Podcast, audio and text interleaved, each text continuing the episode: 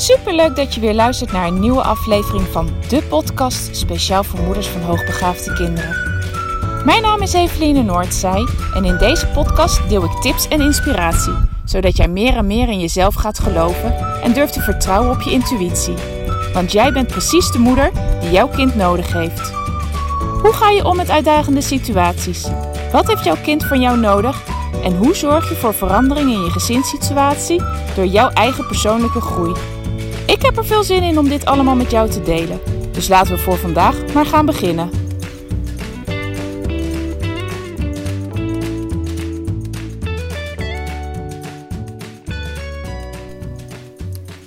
Ha, lieve luisteraars. De laatste podcast van deze week. Het is alweer bijna weekend.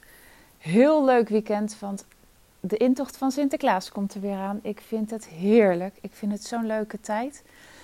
En vooral omdat, uh, nou, omdat ik deze tijd nu nog uh, kan genieten van een dochter die er uh, nog vol van is.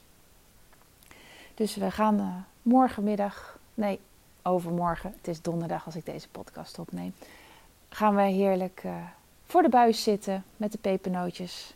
We hadden al bedacht dat we morgen pepernotentaart gaan maken. Dus we hebben nog lekker wat te doen en dan gaan we er heerlijk van genieten. Zolang als het nog duurt. Ze is vijf, maar heeft al zo af en toe de twijfels dat ik denk, oeh, dit zal misschien niet zo heel lang meer duren. Dus ik, uh, nou, ik blijf er van volop van genieten, want ik vind het zo'n leuke tijd. Ik vind het Sinterklaasfeest sowieso heel erg leuk. Ik geniet ervan. Als kind vond ik het al heerlijk om surprises te maken. En lekker uit te pakken met cadeautjes toen ik eenmaal wat ouder was voor de hele, voor de hele familie.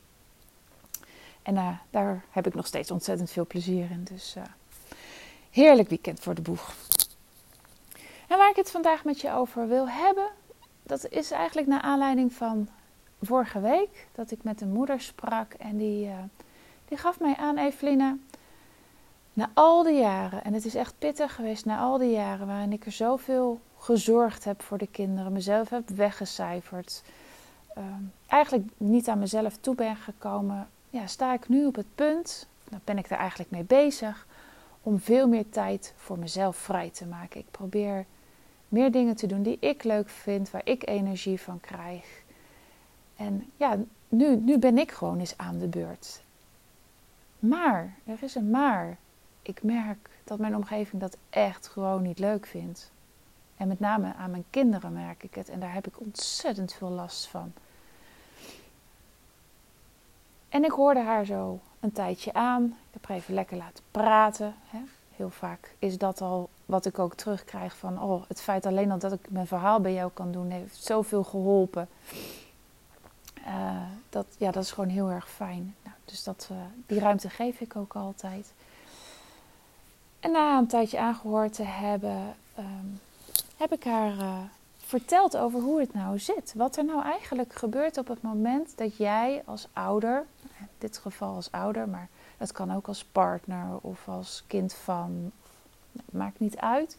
Maar als jij iets anders gaat doen, als jij verandering in gang gaat zetten, als jij anders gaat reageren op situaties, andere keuzes maakt, meer voor jezelf in dit geval opkomt, uh, meer tijd voor jezelf gaat nemen, dan gaat de dynamiek in je gezin gaat veranderen. Je kan het eigenlijk zien als nou, bijvoorbeeld een bak met water en je hebt allemaal steentjes ingelegd. Als, het een, als er één steentje iets anders gaat doen, gaat er iets gebeuren. Er gebeurt iets met het water. En nou, in dit geval misschien niet het beste voorbeeld, want met de andere steentjes gebeurt niets.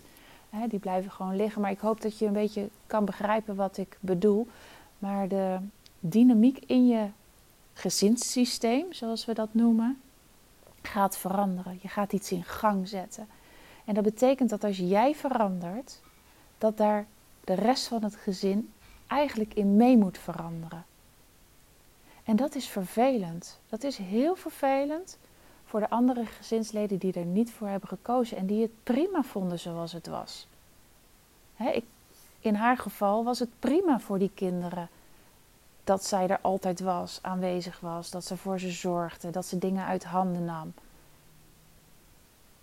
Dus die zijn er helemaal niet bij gebaat dat die verandering in gang gezet wordt. En die willen dus dan ook dat hun moeder blijft zoals ze was. En het veranderen, andere stappen nemen als moeder, geeft daarmee in eerste instantie ook een, eigenlijk een onveilig gevoel bij die kinderen. En al gaandeweg toen ik dat aan, aan, haar aan het uitleggen was, werd ze ook emotioneel. Want toen zei ze van ja, maar dan moet ik gewoon eigenlijk niet meer veranderen. Want ik wil helemaal niet dat ze zich onveilig voelen. Ik wil juist dat ze zich veilig voelen. En toen, wat ik daarmee bedoel, dat ze zich onveilig voelen, dat is helemaal even niet zo heel erg. Als er iets verandert, want als je bijvoorbeeld van baan verandert of jij verandert van omgeving, je gaat verhuizen, dan heb je allemaal even een moment dat het onwennig is, dat het je onzeker maakt, dat je je nog niet helemaal veilig voelt omdat het een onbekende situatie is. Maar je gaat ook niet tegen jezelf zeggen: ja, maar luister eens, dat betekent dus dat ik nooit ga verhuizen en dat ik nooit een andere baan neem en dat ik geen enkele verandering in mijn leven ga doorvoeren. Want ja, dan voel ik mij even onveilig en dat is niet oké. Het is helemaal niet erg om heel even je onveilig te voelen. En dat geldt voor kinderen ook. Het is helemaal niet erg dat ze zich even niet zo prettig voelen bij een verandering die jij doorvoert. En je kan dat gevoel van onveiligheid kan je ook gewoon nog beperken. Door het uit te leggen. In dit geval kan deze moeder, en dat kan nog achteraf, maar dat kan je natuurlijk ook vooraf doen, zeggen van oké, ik ben nu zover dat ik heel veel voor jullie gezorgd heb. Ik hou ontzettend veel van jullie. En ik wil er voor jullie zijn. Maar ik merk dat ik gewoon meer ruimte voor mezelf nodig heb. En dat betekent dat ik af en toe eens, nou ja, vul maar in wat je gaat doen. En daarmee bereid je ze ook voor.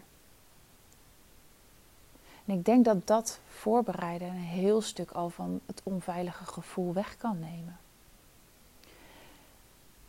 En op het moment dat ze zich dan even onveilig voelen en je hebt dat in de gaten, bijvoorbeeld als je weggaat en je kind vindt het lastig om afscheid van je te nemen of vindt het niet prettig dat je ze misschien een keer niet in bed kan leggen, dan kan je dat ook gewoon met ze bespreken. Ik zie dat je het nu moeilijk hebt of ik zie dat je verdrietig bent. Maar weet je nog dat ik je heb uitgelegd? En jij vindt het ook fijn als je met een vriendje of een vriendinnetje kan spelen.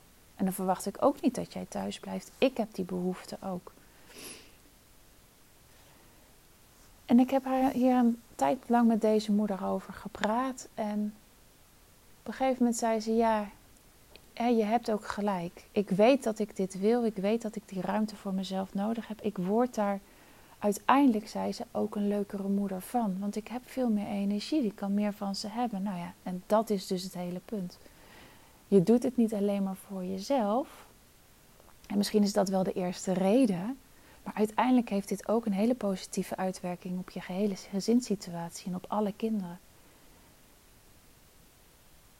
Je leert ze eigenlijk hoe belangrijk het is om voor, voor jezelf te zorgen en je eigen keuzes te maken. Ja, en een mooiere les bestaat niet dan dat je het juiste voorbeeld aan ze geeft. Kinderen leren nog steeds het meeste van voorbeeldgedrag. Dus als jij laat zien hoe het is om voor jezelf te zorgen, keuzes te maken die in jouw belang zijn en niet altijd een ander, in dit geval de kinderen voorop te stellen, dan is dat een hele waardevolle les voor ze. En daar kunnen ze hun rest van, de rest van hun leven, kunnen ze daar iets mee. Je hebt het voorgeleefd en voorleven is zo ontzettend krachtig. En hiermee ga ik afsluiten. Ik wens jou voor vandaag voor komend weekend. Een heel fijn weekend. Geniet ervan. Geniet ervan als je nog kleine kinderen hebt en je gaat naar de intocht van Sinterklaas of je gaat hem net zoals ik bekijken voor de tv. Neem de tijd voor elkaar, maar zorg vooral ook heel goed voor jezelf. Fijn weekend, groetjes, doei doei!